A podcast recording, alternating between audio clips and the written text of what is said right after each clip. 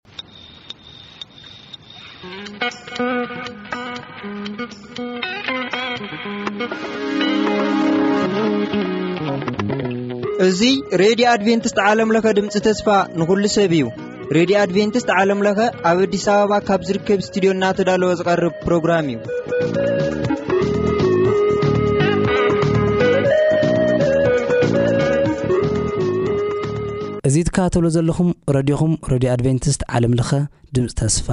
ንኹሉ ሰብ እዩ። ሕዚ እቲ ናይ ህይወትና ቀንዲ ቁልፊ ዝኾነ ናይ እግዚኣብሔር ቃል ምዃኑ ኩላትኩም ኣይትዘንግዕዎን።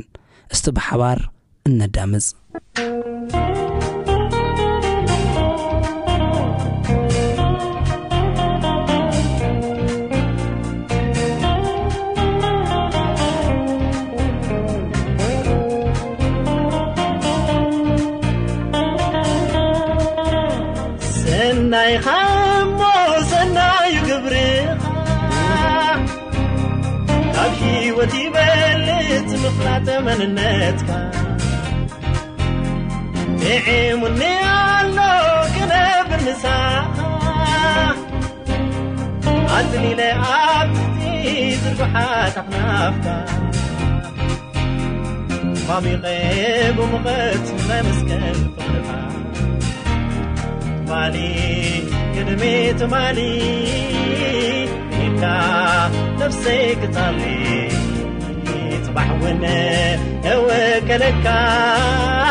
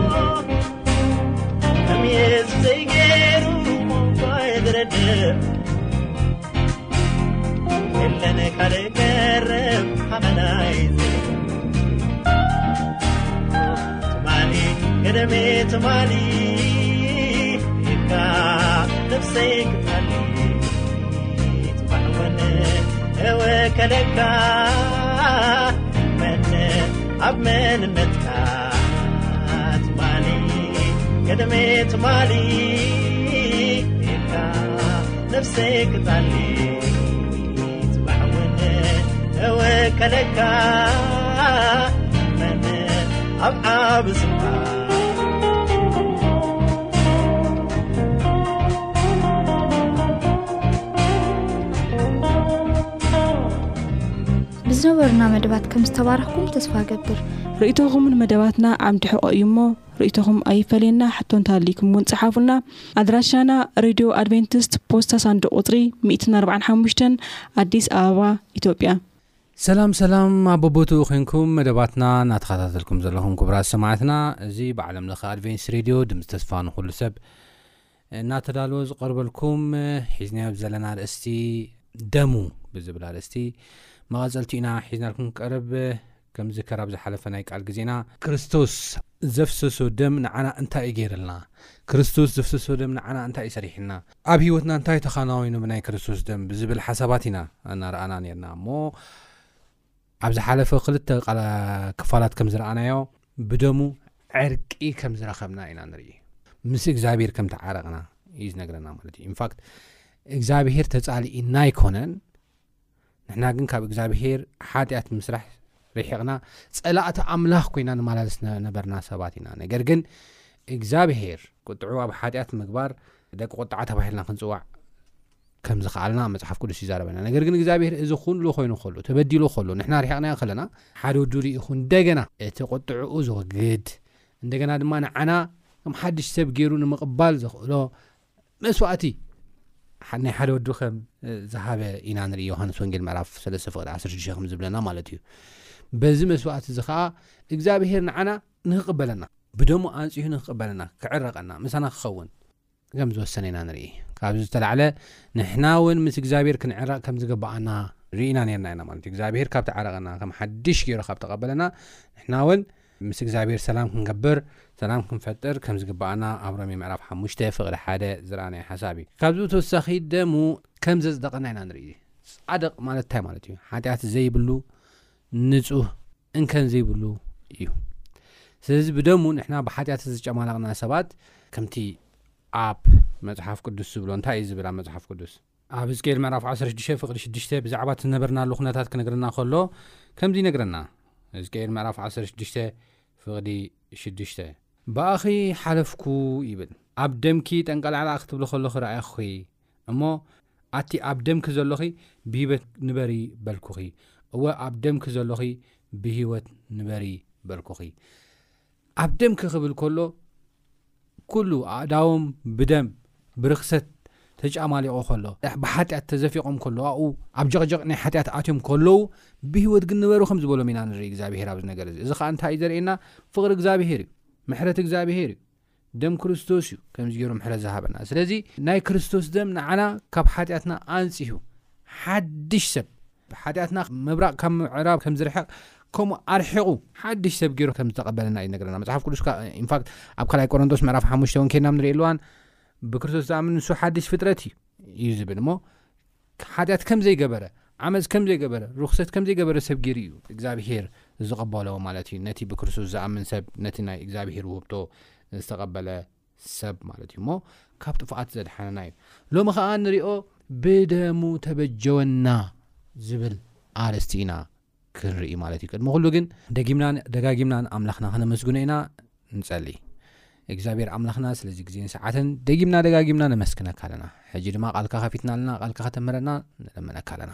ዝተረፈ ግዜናን ሰዓትና ንስኻ ባርኮ ብጎይታና መድሓና ንስ ክርስቶስ ስም ኣሜን ብደሙ ተበጀወና ምብጃው እንታይ ማለት እዩ ኣድላይነት ምብጃው ከ እንታይ እዩ ምብጃው ኣብ ህይወትና ዘምጽኦ ነገርከ እንታይ እዩ? ዝብሉ ሓሳባት ኣገደስቲ ነጥብታት እዮም። ብመጀመርያ ምብጃው እንታይ ማለት እዩ ክንብል ከለና ምብጃው ማለት ባርያ ንዝኾነ መጀመርያ ናትካ ነይሩ ድሓር ግን ባርያ ዝኾነ ዝወደቐ ወይ ተሰርቀካ ወይ ዝተኾነ ነገር ዝጠፈ መሊሽካ ዋጋ ከፊልካ ናትካ ምግባር ማለት እዩ ብእንግሊዝኛ ሪደምፕሽን ይብል ማለት እዩ መሊሽካ እንደገና ናትካ ምግባር ንሕና ብተፈጥሮ ናይ ኣምላኽ ኢና እግዚኣብሄር ብመልክዑን ከም ምስሉን ገይሩ እዩ ፈጢርና ነይሩ ድሓር ግን ብሓጢኣት ወዲቕና መሊሹ ከዓ ዋጋ ከፊሉ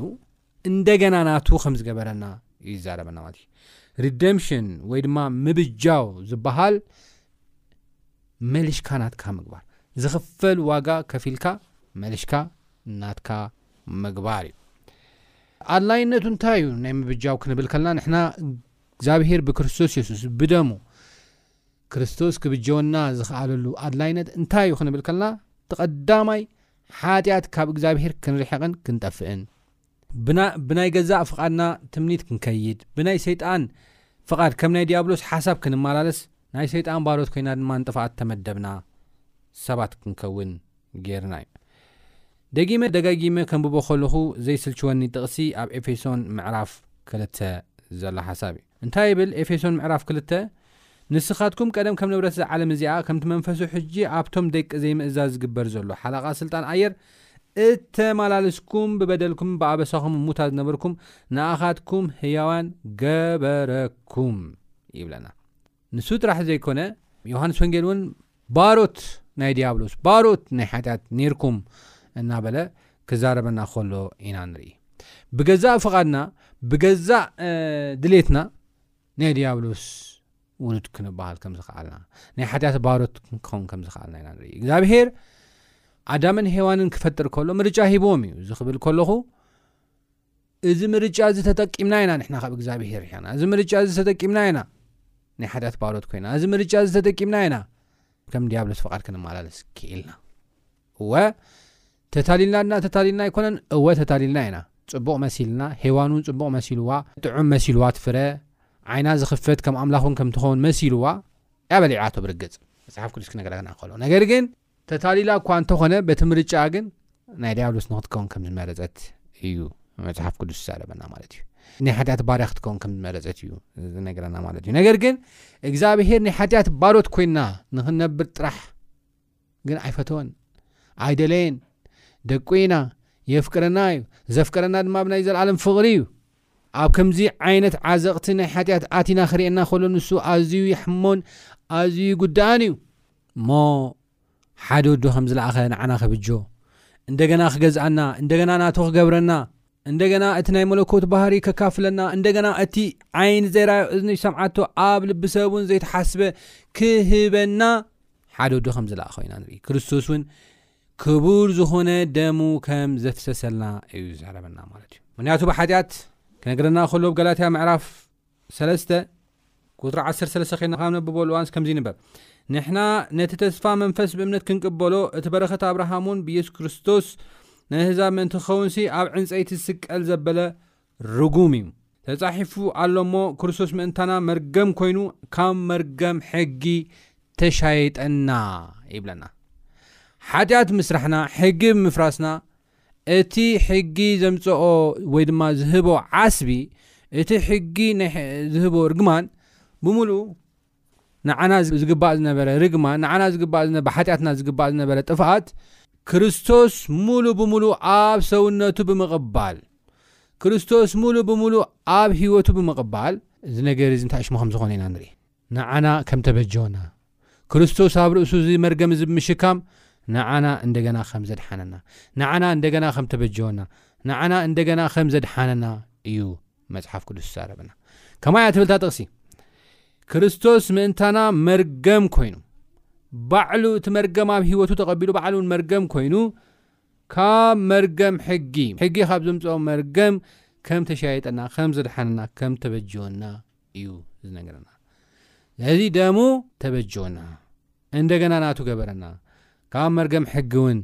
ኣድሓነና ይብለና መጽሓፍ ቅዱስ ክዛረብ ከሎ ማለት እዩ። ኣብኡ ኣብቲ ገላትያ ምዕራፍ ኣርባዕተ ፍቕዲ ሓሙሽተ ምልኣት ዘመን ምስ መጸ ግና ይብል እግዚኣብሄር ኩሉ ነገር ብግዜኡን ብሰዓቱን እዩ ዝሰርሕ እሞ ምልኣት ዘመን ምስ መጸ ነቶም ኣብ ትሕቲ ሕጊ ዘለዉ ትሕቲ ሕጊ ዘለዉ ማለት ሕጊ ዝሓቶም